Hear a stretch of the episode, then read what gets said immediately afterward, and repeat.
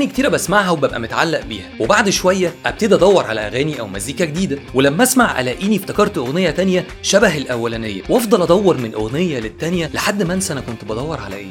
فهمت حاجة؟ أنا أقول لك الأغاني ليها mood بيختلف من وقت للتاني. ده غير أصوات المطربين اللي الواحد بيبقى مرتبط بيهم. ويا سلام بقى لو متابع مؤلفين الأغاني اللي أنت بتسمعها دي أو يتشعبط في دماغك لحن ويفضل يزن على دماغك. وتبتدي تقول هو مفيش playlist رومانسية علشان مشاعر الجياشة قفشت عليا اليومين دول؟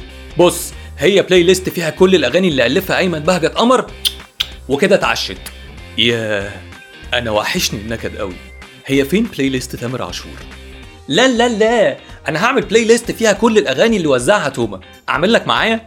تعالى وفضي نفسك شوية واسمع معايا الأغاني دي. ولو عجبتك زود عليها الأغاني اللي بتحب تسمعها علشان نسمع أحلى playlist ونسمعها لكل الناس. أنا محمد مشالي مذيع ومعلق صوتي وأحيانا ممثل. استنوني قريب في بودكاست علي المزيكا.